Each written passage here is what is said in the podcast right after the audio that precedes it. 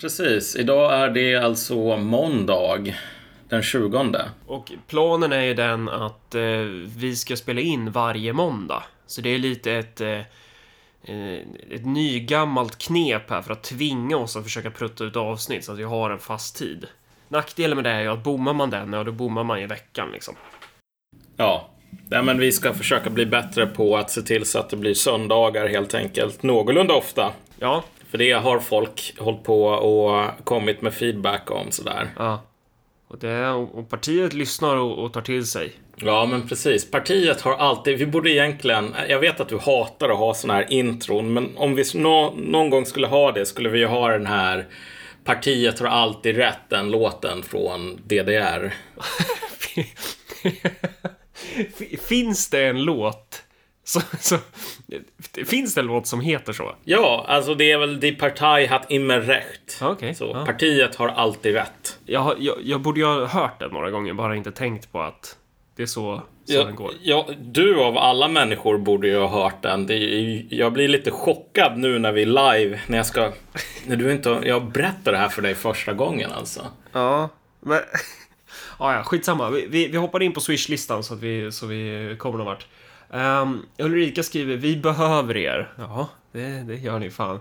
Eh, och... eh, ja, vad ska man mer ta här? Ossian skriver, fråga till Malcolm. Uh, Le Parc eller Palermo? Jag vet svaret i alla fall. Uh, Tror jag. alltså... Jag måste ju svara Palermo Ja, här. det antog jag att du Det skulle säga. Vad är Le Parc för någonting? Le Parc Är är, ett ställe, en, en krogrestaurang i en park. Ganska nära Palermo, så på Luthagen i Uppsala. Jag åt fan en plankstek där en gång. Den var helt okej, men Palermo är som sagt, det är ju... Alltså det, det är ju en helt egen liga. Erik skriver, vad säger ni om kommunitarism, kommunitarianism och Putnam? Jag har läst om det här i statskunskapen för typ tio år sedan. Jag kommer inte ihåg någonting. Ja, alltså okej, men Putnam, då talar vi framförallt den här boken Den ensamma bowlaren och de andra jobben som man har gjort lite grann kring samma tema. Det var också ganska länge sedan jag läste det faktiskt. Är du säker? Den ensamma, inte Putnam, inte den om... Nu tittar jag i bokhyllan. Han skrev ju den här boken Den ensamma bowlaren som handlade mer eller mindre om ehm, hur framförallt amerikaner då hade tappat jättemycket som man kallar socialt kapital. Ehm, att en, och den ensamma bowlaren kommer ju från att förut var ju jättemånga amerikaner med i bowlingligor men nu är de typ inte med i någonting alls längre. Så en, en, en bok om social atomisering. Ehm, och, ja, men han är väl bra, men som sagt, det var ett tag sedan som jag läste det där och jag har väl inga superdagsfärska reflektioner över hans arbete just nu. Annat än en stor Ja, där rekommendation. är det ju fan! Robert D. Putnam, Bowling Alone. Ja, exakt. Ensamma bowlaren på svenska. Ja. Uh, alltså, du har också läst den en gång i tiden. Ja, men, Ja, tydligen. Ja. Eh, men, men ja, det... Eller ja, jag vet inte om det, är- om det är hela... Det kan ju inte vara hela boken liksom. Det måste ju vara någon sån här utdrag typ. I den här jävla... En sån här kurslitteratursbok som... ja, har det, i- fast, ja, jag vet inte. Jag har ingen koll. Men, eh, men som sagt, han är bra och möjligtvis så får vi ju göra något avsnitt på liksom, temat så här atomisering versus bowlingligor sådär. Men det är ingenting som ligger i pipelinen så här direkt just nu. Nej. Christian har swishat för, så att det räcker till varsin monstervit och en fjärdedels gräddtårta. Bra swish. Ja, vi nöjer oss fan där. Och så säger vi tack till Erik, Jerker, Peter, Björn, Jonas och Per, tror jag va? Så Mm. jag inte har glömt någon. Eh, Ja, vad, nu då? Nu ska vi prata partiledarval i Vänsterpartiet. Ja, men precis. Eh, och det här är, det var, ja det var, när, när gick de ut med att Jonas Sjöstedt avgår? Det kanske var en hel vecka sedan, jag vet inte. Ja, på ungefär en vecka sedan. Ja, men och, de ska ju inte ha sitt partiledarval förrän kongressen, när fan är den då? Den är i vår någon gång eller?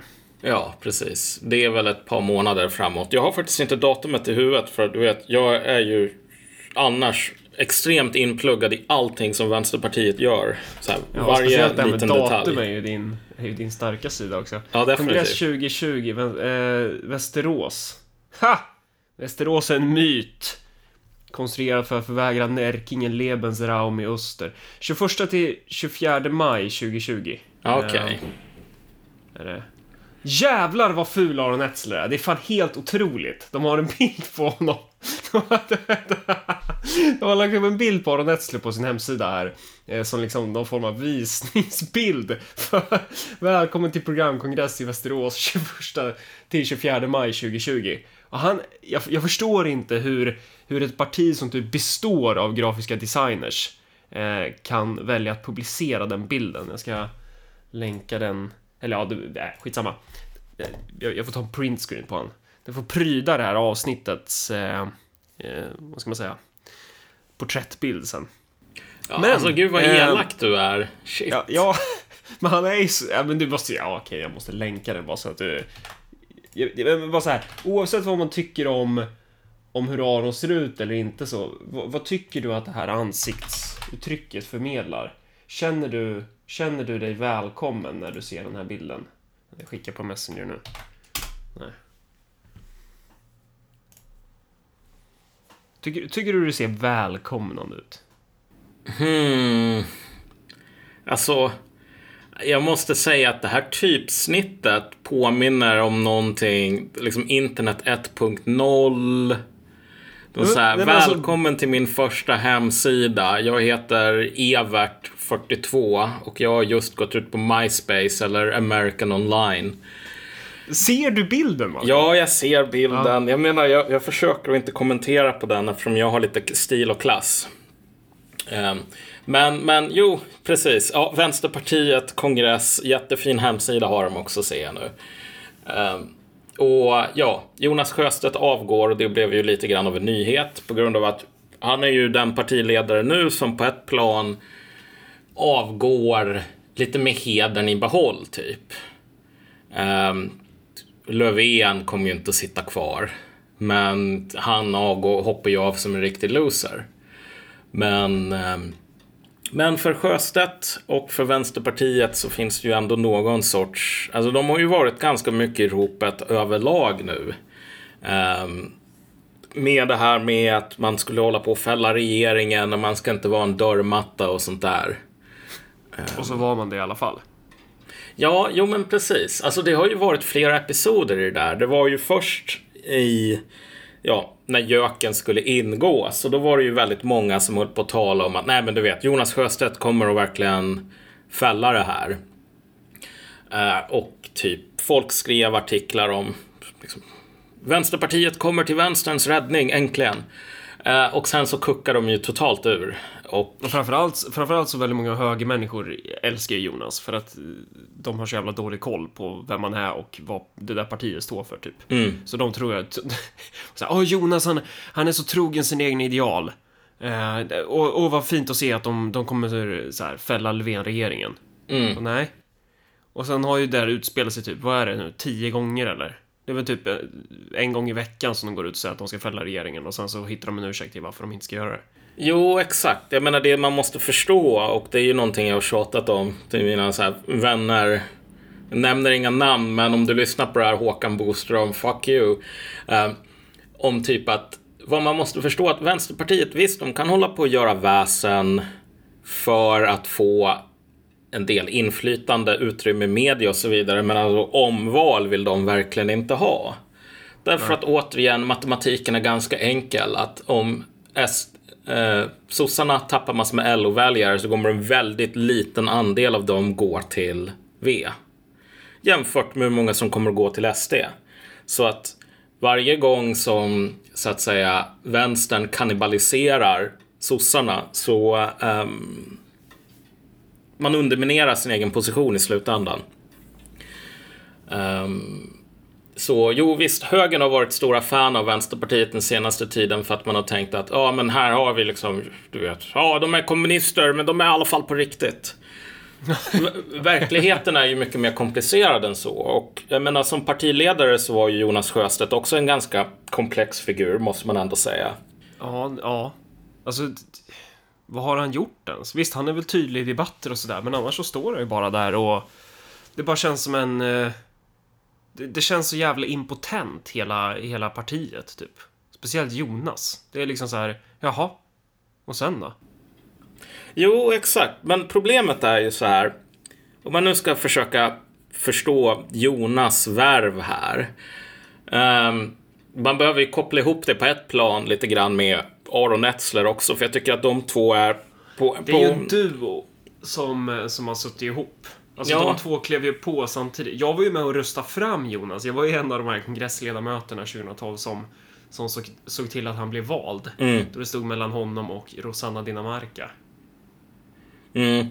Ja, ryktet har ju varit att han har suttit så länge som han har gjort för att Rosanna inte ska bli partiledare, för då kommer allting att gå åt helvete. Men precis som du säger, jo, de här två är lite grann av ett radarpar och jag tror att en, en kort diskussion om Etzler lite grann klargör ungefär vem, vem Jonas är också. Mm. För den stora grejen med Aron Etzler är ju att han hade, så vitt jag förstår saker, ändå hur ska man säga, ambitioner på att vara 00-talets um, ehm, förnyare intellektuell på något plan. Om du kommer ihåg det här, han har ju skrivit flera böcker som idag är totalt obsoleta. Däribland um, den här boken Reinfeldt-effekten. Som typ, han hade någon sån här bromance med Per Schlingman om. På grund av att, ja du vet, vi båda stora geni, genier, vi läser och liksom funderar över den politiska utvecklingen. Nu jävlar, nu händer det grejer så här. Han, var ju väl, han är väldigt insnöad på triangulering och sånt där skit. Ja, jo men precis. Alltså Schlingman är ju totalt ute ur politiken idag. Um, det arvet som Reinfeldt har idag är ju framförallt ett negativt arv. Så här, att, visst, han hade den här nya grejen som politiken på sent 10-tal och nu på 20-talet bara är en stor reaktion mot typ.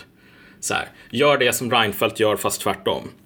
Så, och, så Schlingman är helt ute och på den tiden som det begav sig så var ju Schlingman lite grann, såg sig själv eller såg som så här högerns Aron Netzler. Och innan, innan vi hade Reinfeldt-effekten så hade vi ju den här Trondheim-modellen som jag kommer inte ens ihåg vad det är. Också en sån här totalt irrelevant grej. Ja, det är väl någon fackföreningssamverkan i, i Trondheim, va? I Norge. Ja, exakt. Ja, jag tror, ja, det var väl någonting med hur Vänsterpartiet skulle försöka eh, vinna delar av LO. Ja kollektivet. Typ. Jo, men exakt. Så, så en till modell här för hur framtidens politik kommer att se ut utifrån ett vänsterperspektiv, hur man bör mm. göra och så vidare. Och han har haft ett par sådana försök till teoribyggen som idag alla är väldigt överspelade. Så som figur är ju Etzler någon som så att säga försöker staka ut en ny väg för vänstern i den nya, du vet, muren har fallit, bla bla bla, så här, nya ideologier etc. Och Jonas Sjöstedt är ju inte någon ideolog, men hans uppgift är på, på, på sätt och vis ganska liknande. Försöka hålla ihop Vänsterpartiet med de här olika fraktionerna som drar åt olika håll. Och partiet har ju varit lite grann som en, en båt utan någon kurs, utan något riktigt roder. Man har haft de här olika Uh, interna striderna först med så här vägval vänster, att man ville liksom gå mer åt det här Tony Blair-hållet, ish. Och nu med um, liksom identitetspolitik och rena rama islamister som kommer in i partiet, du vet. Och då, och då, och då är inte det här en Marcus och Malcolm-raljering och överdrift, utan verkligen islamister. Ja, precis. Alltså du kan väl berätta lite grann, vad heter hon, Nadia Basanta vad? I... du, har, du har ju någon jävla lirare här i Örebro som någon sån här hijab-aktivist typ, som de har såklart lämpligt nog har satt i, i, i eh, vad är det, kultur och fritids, eh, fritidsföreningen, nej, nämnden. Eh, mm. Den nämnd som i alla fall beslutar om att betala ut bidrag till föreningarna. Eh, och hon har ju uttalat sig om att all kritik mot hedersvåld är islamofobiskt. Ehm, och nu pratar ju mycket om att Socialdemokraterna och Moderaterna vilar på, på en rasistisk grund och så vidare. Och det här är ju inte personer som man tar i örat eller gör någonting mot överhuvudtaget, utan henne låter man ju hållas. Man, man till och med försvarar henne. Även deras lokala politiker Johannes Nilsson, som också är deras sekreterare här lokalt, tycker att hon är jättebra och sådär. Jo, Nadja Basantavad har eller hade en sån här sida som var Eh, för alltså, du vet, islamister mer eller mindre. Um, skulle hålla på att skriva debatt, liksom artiklar och så vidare. Jag kommer tyvärr inte ihåg vad den heter, men i en av de här artiklarna som hon och hennes så här, polare hade, och de flesta av dem var inte med i Vänsterpartiet vad jag vet. Um, då, jag tror att hon till och med skrev så här att alltså, hon köper ju inte det här med socialism och, och har egentligen inte så mycket gemensamt med Vänsterpartiet. Men hennes intresse är att typ agera här i Sverige nu för att flytta fram typ islams position. Och Vänsterpartiet är det bästa verktyget för det just nu. Mm. Och, och sättet som hon pratar om det eh, är ju liksom i termer eh, det är med antirasistisk och feministisk skrud. Så, den här nya sortens feminism då, alltså inte den feminism som Amineh Kakabaveh står för, som ju hon uppenbarligen hatar. Mm. Eh, så det är ju, så, så den, den typen av personligheter har du ju i det där partiet och så länge de liksom Alltså, man gör inget mot dem, man, man, man ser inte det som ett problem. För man, mm. man tänker så här, så som de behandlade Amine och man tyckte att hon var så himla problematisk och så vidare. Men, men den här typen av lirare låter man bara vara man låter dem hållas. Alltså hon sitter ju och betalar ut liksom föreningsbidrag till föreningar i Vivalla och Ja, folk kan väl räkna ut med arslet var, var vissa av de här pengarna hamnar. Jo, vad var det 2017 kanske som i Malmö på första maj-tåget som alltså sossarna blev rushade av ett gäng kaxiga hijabis. Um, I alla fall, den personen, eller en av de personerna där, alltså de uppträdde ju på Vänsterpartiets första maj-tåg sen. Um, någon skickade ett sånt där roligt screenshot från Facebook där hon har skrivit ett långt inlägg om typ att problemet med slaveriet är så här att du vet, det var vita människor som höll på med det. Därför att i den muslimska världen så var slaveriet faktiskt en, en, en, en, en vacker och alltså en, en humanistisk institution till och med. Och det här, den du pratar om nu, det är hon i Skåne, alltså inte hon ja, i Örebro? hon i Skåne, Nej. precis. Och jag bara mm. tänker så här, holy shit, vi har kommit så långt så att alltså, du kan vara en frihetskämpande vänsterpartist socialist Eh, och bara säga så här, fan, ottomanernas galärslavar, det var fan en bra institution. Wow. Um, för att de var inte vita cismän så här, så då är slaveri okej. Okay. Så att jo, det är sådana typer som man på något plan har lierat sig med. Och inte på grund av att någon som Etzler är alltså en övertygad typ salafist. Alltså det är ju inte seriöst. Utan snarare för att han och partiet håller på och letar efter den nya vägen framåt. Den nya modellen. Efter att Trondheim-modellen och Reinfeldt-modellen och liksom Tjotahejti-modellen inte riktigt har funkat. Man, man, kan väl säga så här att Amineh Kakabaveh står i vägen för dagens vänsterparti. Hon är i vägen för den politiken man vill föra, men de här islamisterna är inte i vägen. Nej, och de representerar en möjlig väg framåt på något plan. Alltså ett sätt att försöka komma förbi det här med eh, den här låsningen som man hamnade i, som de flesta eurokommunistiska partier efter att muren föll. Man visste inte vad man skulle hålla på med. Annat än att hålla på och tala om så här mer glasögonbidrag och sånt där. Man mm. visste inte vad, vad ens um, väljarbas skulle vara. Mm. Jag menar, en gång i tiden så var faktiskt inte Vänsterpartiet, det var ju aldrig ett majoritetsparti så, av massor med olika anledningar. Men det var inte ett parti för alltså, de allra rikaste och mest välutbildade i samhället, utan det var ju så här vissa sektioner av arbetarklassen, typ gruvarbetare eller hamnarbetare eller någonting sådant. Ja, ja. Um, idag stämmer ju inte det längre. Och det där är ju helt utrensat, alltså allt vad kommunism heter och så vidare, det är ju borta, annat än som typ estetiska uttryck, vilket ju får en och annan så här skitdålig boomer på högerkanten typ och skita knäck för man tycker att man, man hittar bevisen för att Vänsterpartiet är typ eh, så här, reinkarnationen av Lenin eller att det skulle vara något så här modernt avantgarde-parti för att Vänsterpartiet har skrivit någonting om typ att privat egendom är dåligt eller någonting. Om de ens har skrivit på, det, på den nivån. Jag tror att de har skrivit någonting i stil med att de vill avskaffa kapitalismen, som för övrigt kommer försvinna i nästa kongress och sådär. Och det, alla de där skrivningarna ska man förstå som det, det är bara prydnad, det är bara liksom någon, någon slags stil. Det finns ingenting bakom mm. det. Um, det här är inte socialister i den bemärkelsen att, att de vill basera eh, sin politik på arbetarklassen som bas. Eh, utan det där är borta. Sen så har du ju typ på sina håll kan kanter kanske ha någon kommunpolitiker som kan tycka att det är en bra idé att försöka maximera röstantalet och försöka föra någon typ av eh, ja, men klassisk vänsterpolitik utifrån de förutsättningar som finns typ. Eh, men det där är ju en försvinnande liten minoritet och de har ju liksom inte så mycket att säga till om i partiet. Men just när det gäller Jonas och Aron så, Aron, om jag har fattat saken rätt så, Aron kommer väl lite mer från en etablerad ung vänster eh, bakgrund typ.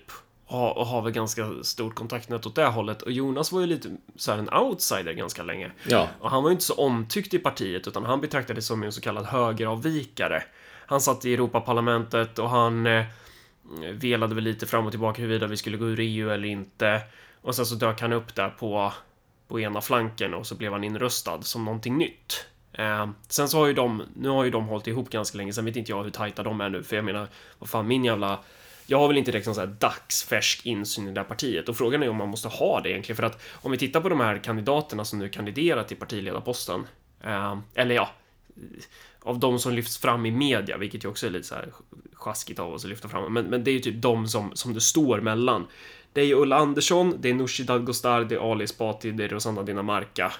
Är det någon mer som jag har glömt? Um, det, finns ju ett par andra lite mindre figurer, men jag tror de kommer nog inte att ställa upp. Nej, precis. Men, men, men de här fyra, det, det var ju, de hade du ju koll på även om du var i partiet för, för mm. åtta år sedan. Nej, men, um, ja, men precis. Eh, jag, jag, tror så här bara att om vi, om vi säger så här att Vänsterpartiets stora problem har varit att man hållit på och, och bara drivit runt utan någon riktig förtöjning till någonting. Och så har du den intellektuella Aron Etzler som försöker hitta nya modeller framåt. Jonas Sjöstedts roll i hela den här soppan var på något plan att se till så att alltså, de här olika faktionerna inom partiet som vill dra åt olika håll inte hamnar i öppet inbördeskrig med varandra han, han, var där som en sorts bromskloss mer eller mindre för att förhindra partiet att röra sig särskilt mycket i någon riktning som helst egentligen. Hur, hur menar du då att han var en bromskloss? Alltså hur, hur, gick, hur gick det till i praktiken? Hur var han en bromskloss? Jag tror att det där är ju, precis som du nämnde, en, en person som kom lite grann från sidled, lite grann det finns väldigt stora skillnader, men vissa likheter med, med um, Löfven. Löfven var ju också en öppen kompromisskandidat sådär, som man tog in just på grund av att man ville ha någon utifrån som eh, inte skulle vara så att säga part i de här olika falangstriderna som fanns i socialdemokratin då. Jag menar, det är ju inte direkt så som att alla de här Magdalena Andersson, eh, Ygeman, Damberg och så vidare inte var med i sossarna då, utan det var ju bara att ett, att försöka utnämna en av dem skulle antagligen leda till att man aldrig fick någon sorts borgfred. Sjöstedt var lite grann på samma vis alltså. En, en, en sån här kompromisskandidat. Och just på grund av att han inte är en del, någon sån här brinnande ideolog, speciellt inte åt det identitetspolitiska hållet, så har det ju funnits en viss um, begränsning på hur snabbt den utvecklingen har gått eftersom den inte har haft alltså, en pådrivare från toppen.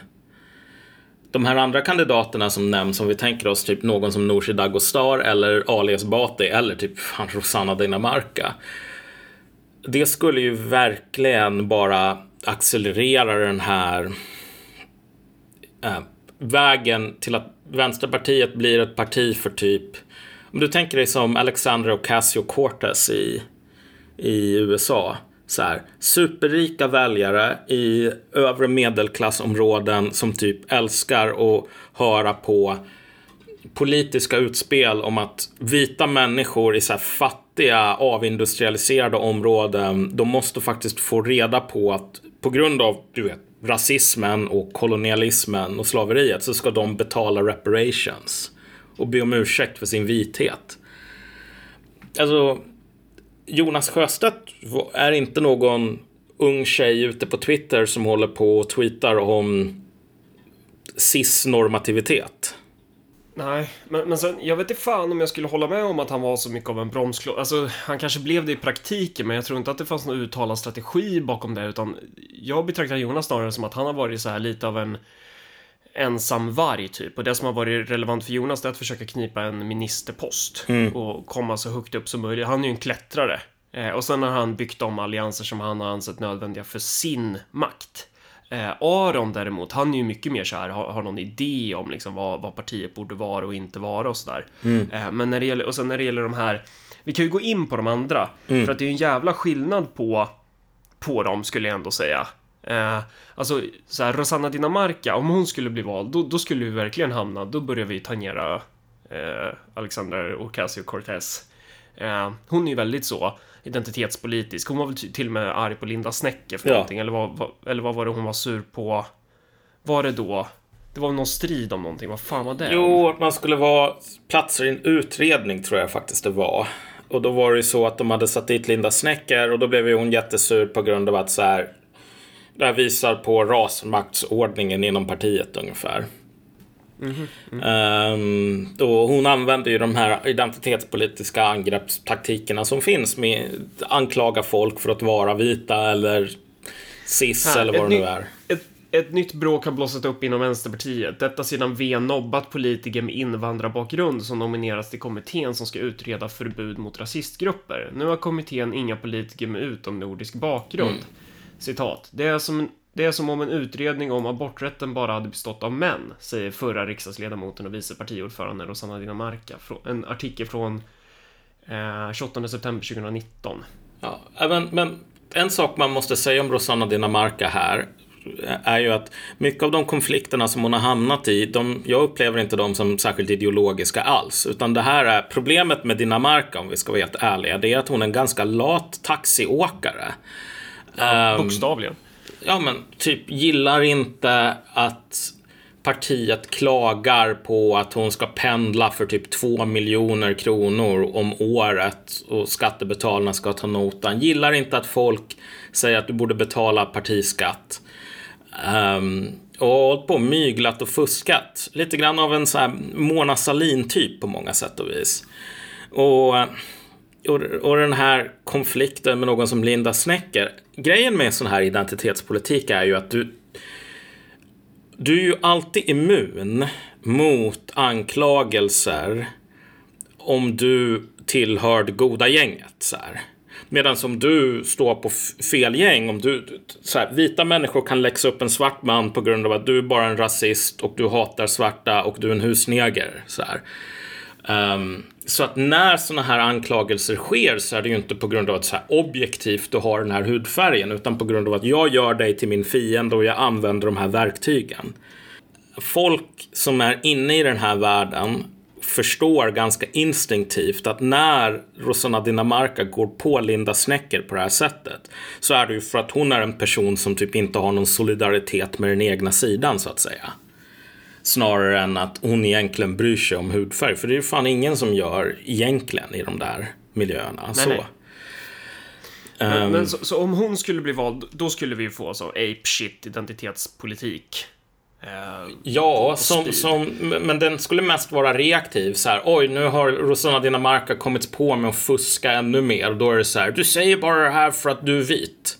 Typ. Mm. Sen, tror inte jag, sen tror inte jag att det skulle vara samma grej. Jag tror inte att Nushi och Ali skulle vara lika galna på det sättet. Båda de två kommer ju från, de tillhör ju lite av samma fraktion typ. Ja. Den här liksom förbundsstyrelsefraktionen som styrt Ung Vänster under väldigt lång tid. Eh, I alla fall de som liksom, vi höll på och bråkade mot. Mm. Jag tror inte jag har haft något personligt jag tror inte jag har haft, jag och Nushi har haft med varandra att göra i någon av de konflikterna så face to face typ som man hade med vissa av de där andra mm. idioterna. Men hon är ju en del av det gänget eh, den Ung Vänsterfraktionen. Jag tror att Nooshi har starka chanser att bli vald. Jag tror också att Vänsterpartiet skulle tjäna mest på att ha Nooshi som partiledare. Jag tror hon skulle vara bäst i debatterna och sådär också. Jag tror att hon skulle kunna få några procentenheter extra. Och, om man då tittar på att Vänsterpartiets primära klassbas är de som vi har avhandlat mm. typ jävla massa avsnitt åt där liksom. Ja, men de här skikten inom medelklassen. Uh, så jag tror att jag, jag, tror att hon hade suttit perfekt faktiskt. Eh, och sen så är hon ju både, då kan man ju både åberopa de här identitetspolitiska etiketten och vad man har invandrarbakgrund och man är kvinna och så vidare och så vidare. Um, men eh, Ali vet jag inte om han har samma chanser typ. Jag vet ju att många av de där såg ju upp till Ali som fan back in the days. Och han var ju... Eh, han var ju en av dem så att säga. Men jag vet inte om han har... Om han är så populär. Ja, alltså... Han är väl populär inom sin egen liksom falang. Men jag tror både han och Nooshi har egentligen samma problem, vilket är att i, och jag tror Nooshi skulle göra sig bättre i debatter än Ali Esbati, men, men, men båda skulle vara polariseringsfigurer. Jo, jo, jo, men det är ju Vänsterpartiet vi pratar om. Det är ju det som är, det är det som Vänsterpartiet skulle ju tjäna på att vara mer polariserande. De skulle ju tjäna på att försöka utkristallisera sin lilla grupp och sen slåss med Centerpartiet och Miljöpartiet om, om de där väljarna. Ja, men, men där tror jag att här sätter du fingret på någonting som jag tror skiljer lite grann i din och min analys också. Därför att jag skulle nog säga att någon som Jonas Sjöstedt var den här kompromisskandidaten eller den här bromsen på utvecklingen just för att han var inte intresserad av att just polarisera som en politisk strategi här. Därför att det finns väldigt stora nackdelar med det också. Alltså du kommer att behöva avyttra en del av partiets medlemmar men också en del av partiets väljarbas på grund av att om du blir öppen med att du för ganska naket försvarar en, en ganska liten klass av människor och säger fuck you till alla som inte tillhör den. Um, alltså det, det, leder, det kan leda till att du får mer väljare i opinionen men jag, det blir ett mycket mindre stabilt parti. Um, någon som... Ja, under, en, under en övergångsperiod i alla fall, ja. Ja, sen så skulle jag väl säga så här att om vi ser till typ Centern och Miljöpartiet och så här. Det här är ju inte superstabila partier i termer av um, deras, ja, de, dels ideologiskt men framförallt i opinionsstöd. Um, Centern idag är ju inte särskilt stora, men de var ju, de, de ville ju på allvar bli det andra största partiet för inte alls så himla länge sedan när de hade en sån här 14-15 procent i vissa mätningar. Alltså de tänkte ju att vi ska bli det andra största partiet i, i inte bara i alliansen, utan vi ska bli det andra största partiet i Sverige när vi bara dränker Moderaterna typ. Um, och sen så har de ju krympt jävligt mycket. Och, men grejen är väl så här att någon som Ulla Andersson tror jag skulle vara en kandidat som, jag vet inte hur goda chanser hon har. Jag tror att på ett plan så är väl tiden lite grann emot henne. Jonas ville ju styra tillsammans med henne när det var snack om delat ledarskap 2012. Då var det de två som ville köra, så de är väl lite åt samma håll typ. Mm. Hon, hon har ju varit med i gamet ganska länge också. Hon tillhör ju, jag tror att hon var på ganska god fot med den gamla partiledningen också, typ såhär Oli, Olle och alla de där lirarna. Jo, nej men precis. Därför att jag menar, det finns ju den här tendensen idag att folk som bara säger att du vet, sossarna de har övergett arbetarrörelsens ideal och nu har vi Vänsterpartiet och Vänsterpartiet de är som sossar var för 20 år sedan så de kan vi rösta på. Ulla Andersson är ju typ, typ den kandidaten, den enda kandidaten som de har egentligen som skulle kunna köra det och vara trovärdig kunna plocka upp så här LO-väljare just genom att um, försöka betona Vänsterpartiet som just, alltså vi är de här grejerna i socialdemokratin som ni gillar utan typ samregera med Centern. Men alltså grejen med Nooshi och grejen med Ali Esbati är att jag tror inte de är intresserade av det överhuvudtaget. Annat än att, att det skulle vara mer röster.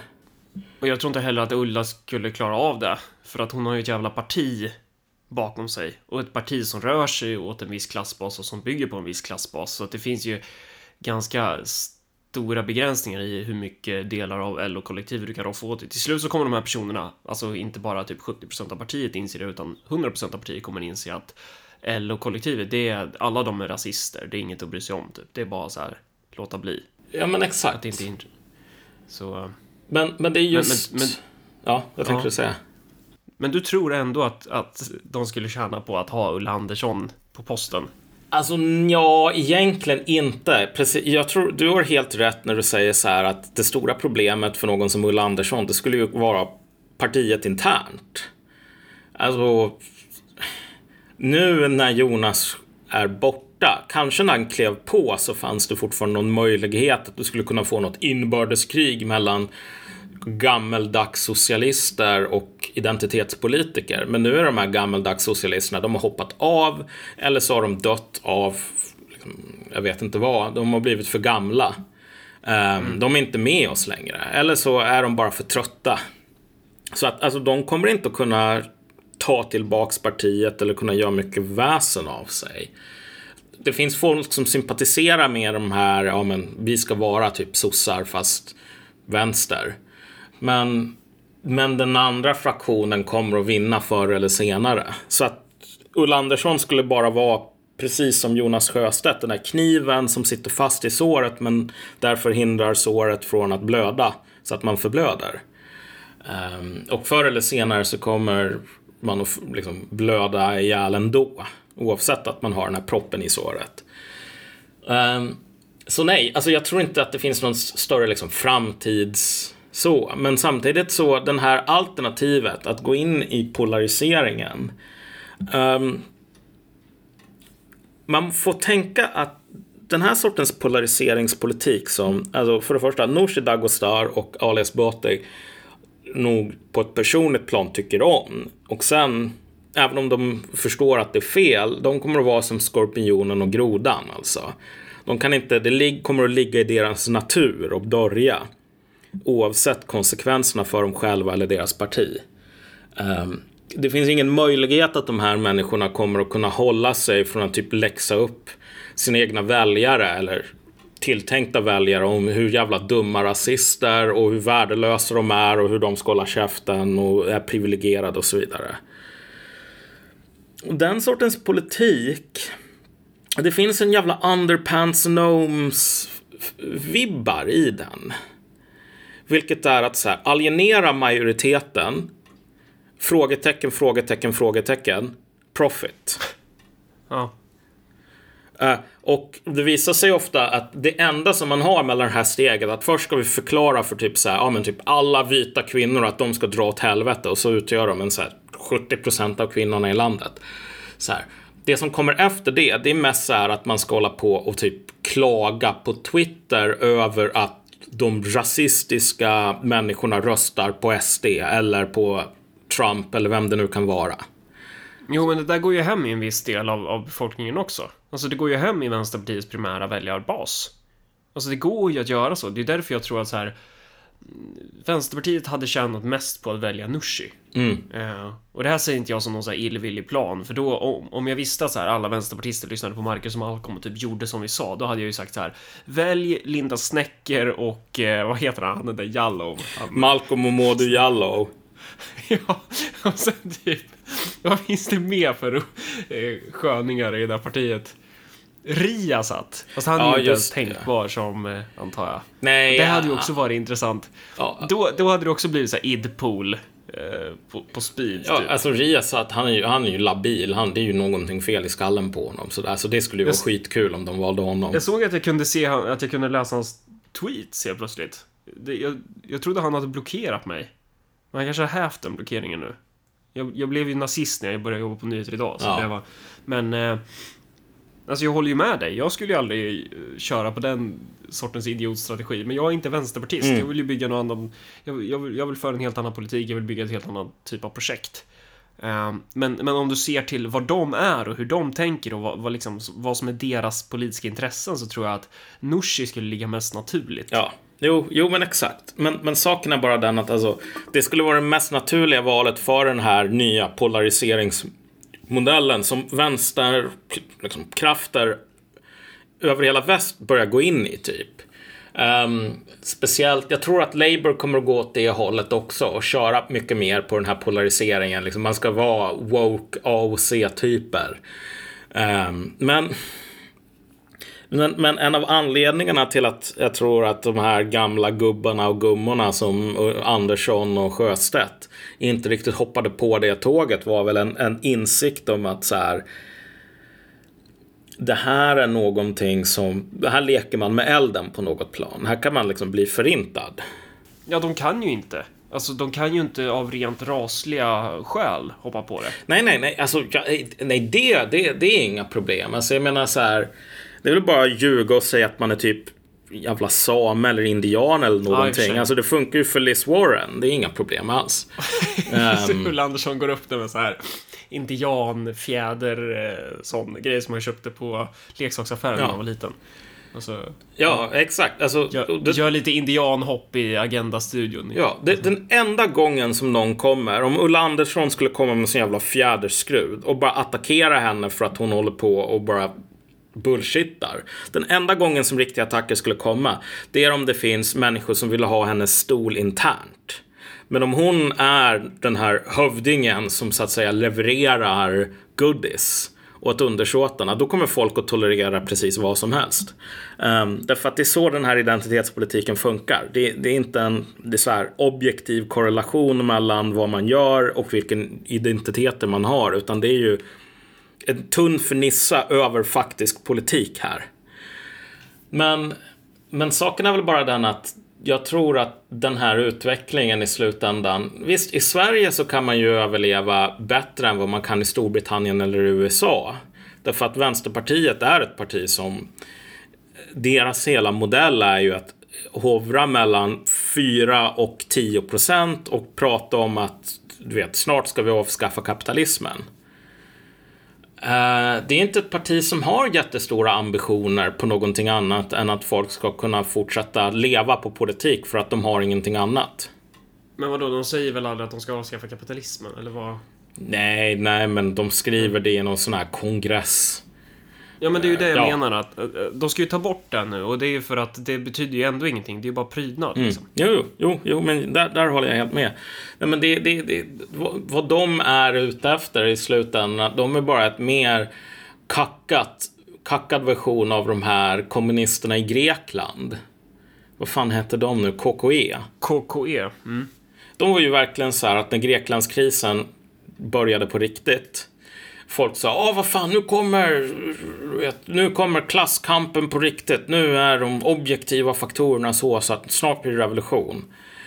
Och de bara var så jävla skeptiska. De tyckte bara, men vi har de här tidningarna och vi har våra egna fack och vi har våra 7 till 10 procent. Och nu kommer folk att säga att vi ska göra grejer. Bara, tack men nej tack. Så här. Gå härifrån.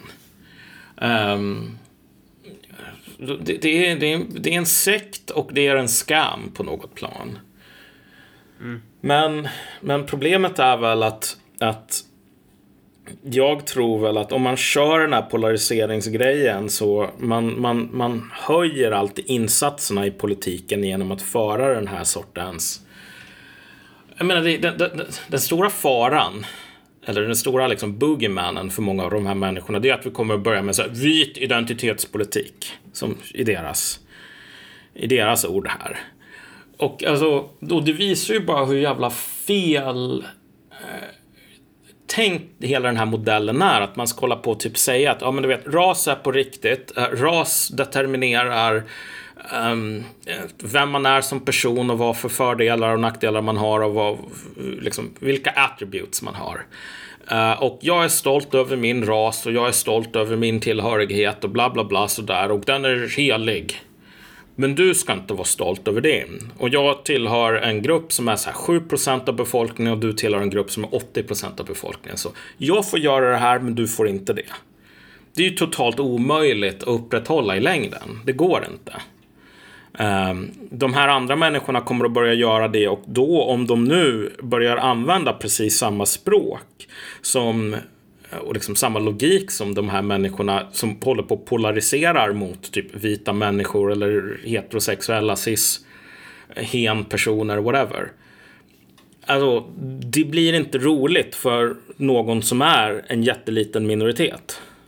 Nej, men under den tiden så kanske de, de här personerna i det här partiet har hunnit tjäna en del pengar och fått sin jävla pension och sen efter de här mandatperioderna så är det, jaha, ja, just tack för fisken, det, det här är inte vårt problem längre. Och det, det är så man måste komma ihåg också att politiker i Sverige har liksom ingen lojalitet gentemot samhället på det, sätt, Mm. på det sättet. Utan de är ju där för sig själva såklart. Men, men när det gäller just att polarisera och sådär, det, det tror jag...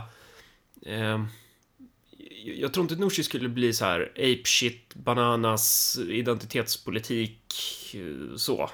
Eh, åt det hållet. Inte Ali heller. Jag tror att de är mycket mer så här eller min uppfattning av dem är att, de är mycket mer lagom på det sättet. Ja, jo, Sen det, kanske det är i de vissa ju. frågor.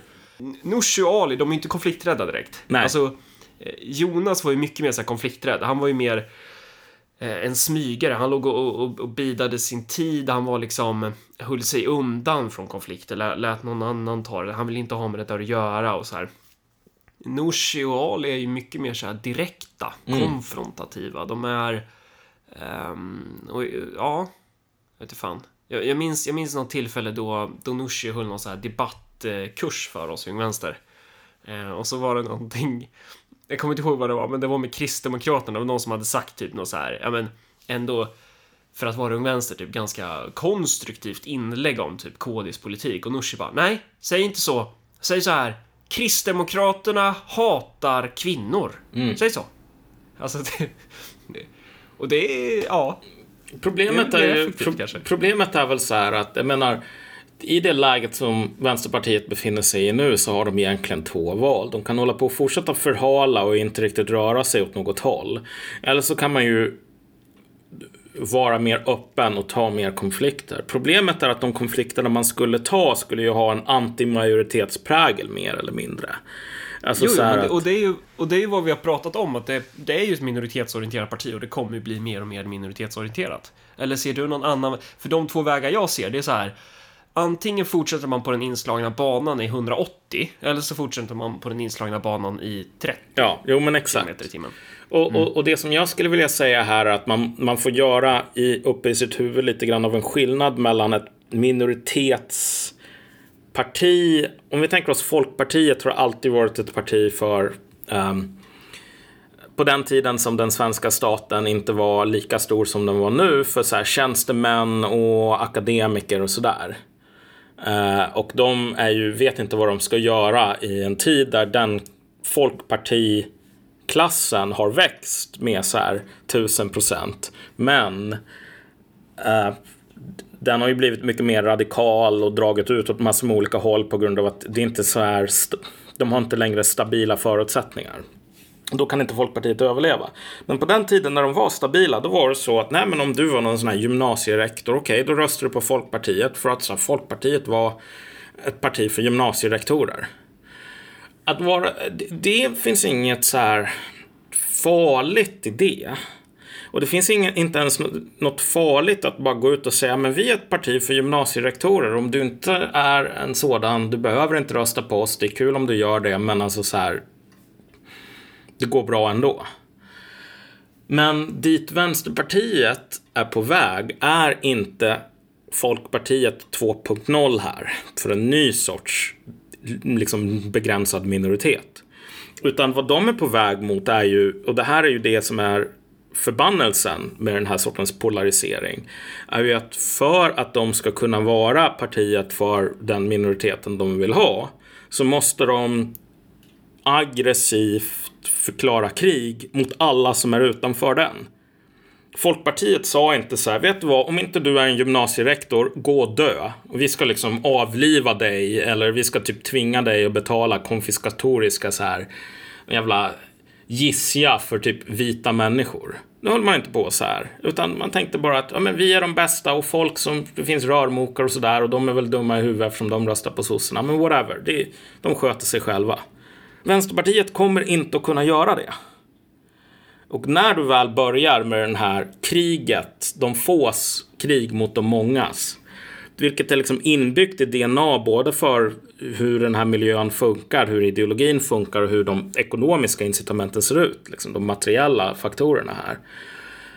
Alltså, det är en jättestor risk därför att du måste hålla på och typ bombardera den här majoriteten hela tiden. Men vad händer om de slår tillbaks? Jag menar, så att visst, man kan hålla på och säga att så här, ja men Ulla Andersson, du är ju bara en förhalning så. Men, men problemet med hela den här partimodellen skulle jag nog säga, eller med den ideologin och med den gruppen som man representerar, är ju att det är så här, slutet på den här vägen, den slutar vid ett stup. Och de kan rusa mot stupet eller så kan de gå långsamt mot det. De, de är inte kapabla att vända om eller någonting. Men, men det där, en, en grej som påverkar det där är ju också, för att man ska ju inte bli för marxistisk i sin marxistiska analys. Så här, du och jag tänker ju hela tiden så här klassintressen, eh, mm. allting sånt. Men ett parti som är, håller sig borta från makten mm och så, man, man, måste ju komma ihåg, så här, vad är människors kontakt till de politiska partierna idag? De, väldigt många vet ju knappt vad partierna driver för frågor. Alltså det är så här, man har en generell uppfattning, man har en känsla om vad det är typ. Alltså ett vänsterparti skulle kunna vara typ, ha en helt rabiat politik. Eh, och, och vara liksom, hata majoriteten av folket men ändå växa och ändå växa utanför sin primära klassbas. Alltså Vänsterpartiet skulle typ kunna växa inom bland LO-väljare. De skulle aldrig bli lika stora som Sverigedemokraterna tror jag inte. Men eh, det, problemet blir ju för dem när de hamnar i maktställning och måste välja sida eh, utifrån, utifrån begränsade resurser. Så att jag tror nog att de har potential att växa. De skulle mycket väl kunna ligga på mellan ja, 10, 15, alltså de skulle nog kunna ligga uppemot en 15 procent i opinionen om de var lite mer skrikiga av sig i vissa frågor. Mm. Det tror jag faktiskt. Eh, lite beroende på, på timing och sådär. Eh, men så man får skilja på så här fasen utanför makt. Då är det ju vissa regler som gäller och då, är det ju, då kan det ju vara jättebra att vara polariserande på det här sättet.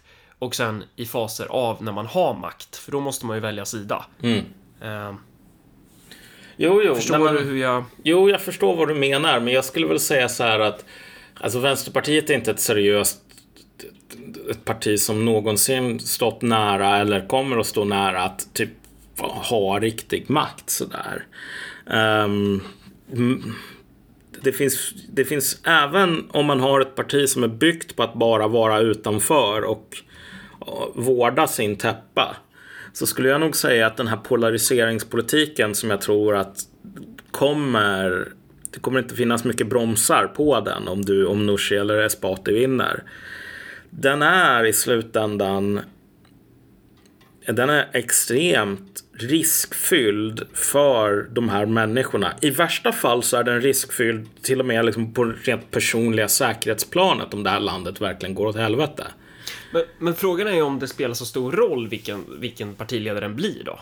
Eh, för att alltså, så här, visst de är som personer, jag upplever dem i alla fall, så, mm. så som mer, mer konfrontativa och mer raka. Mm eh, än till exempel Jonas eh, eller Ulla Andersson. Men, men det är inte som att bara för, för att man får en ny partiledare så blir det ett helt nytt styre. Nej. Utan det är fortfarande partistyrelse, du måste fortfarande ha liksom majoriteten med dig där och så vidare. Eh, det är ju inte som i socialdemokratin då det är så här verkställande utskottet styr allting i detalj typ.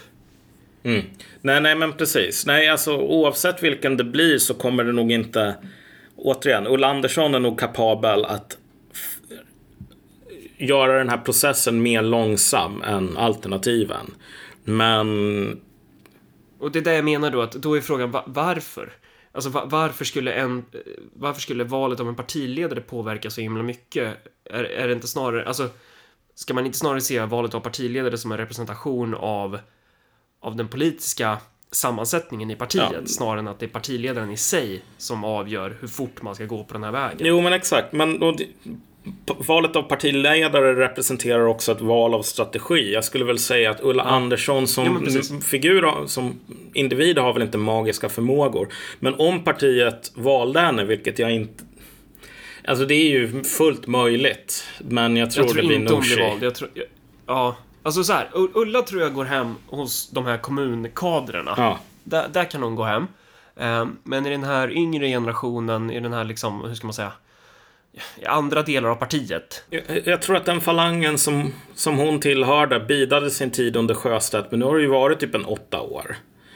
Mm. Um, de kommer inte att låta Sjöstedts så här, vapendragare och egentligen bara en efter, efterföljare på många sätt. Bara ja, åtta år till kamrater. Utan nu är det fan deras tur. Och då är frågan vad som kommer hända med Aron. Ska de ha kvar Aron eller ska de ta in den stora ideologen Ita Gabrielsson istället? Ska... Alltså, jag menar... Jag menar, man kan vara kritisk mot Aron Etzlers förmåga här och, och liksom for the record. Alltså jag tycker inte att han är bara så här ointelligent. Snarare så är han ju bara en, en återvändsgränd. Så här. Mm. Historien gjorde som kejsaren i Gladiator. Bara kollade på det han hade tänkt och det han hade sagt och det han hade skrivit och bara gjorde tummen ner. Um, så, så det är liksom överspelat allt det där. Men alltså, de har typ ingen... Jag menar så här, Ali Esbati är inte överdrivet imponerande. Jag vet att folk har varit ganska arga på honom för att han har hållit på. Han, han har ju haft den här framtoningen som den stora marxisten i partiet. Men alltså, en polare till mig har ju en vän som vid någon sån här, du vet när Ali skulle bevisa vilken marxist han hade varit. Så den här vännen till min vän då var ju den som hade skrivit allt det som Esbati gick igenom och som han bara plagierade typ. Utan att nämna credit så. Um, så, så att jag tror att nu har jag inte läst mycket av det som eh, han har skrivit. Han har ju en blogg bland annat och sådär. Men, men jag tror att eh, Esbati kommer inte att vara någon eh, han kommer att vara en sämre ideolog för det partiet än vad Etzler är. Det, det, det tycker jag inte det finns någon tvekan om alls. Um, och det intressanta är ju att den grejen som faktiskt Esbati håller på att länka till hela tiden, det är ju hans inlägg om hur man ska vägra hålla på att diskutera med Sverigedemokrater, vägra ta debatten, typ. Vilket är en enormt idiotisk linje att ta 2020, kamrat. Så här. Vi kommer att vinna om vi bara um, håller på med borgerlig moralism och typ be våra vänner på DN och säga att de här människorna, de är onda. Det, är liksom, det funkade 2015. Finns det någon joker här som vi inte har, som man inte har tänkt på? Alltså... Det är svårt att, svårt att ställa den frågan ifall vi inte har tänkt på den i och för sig.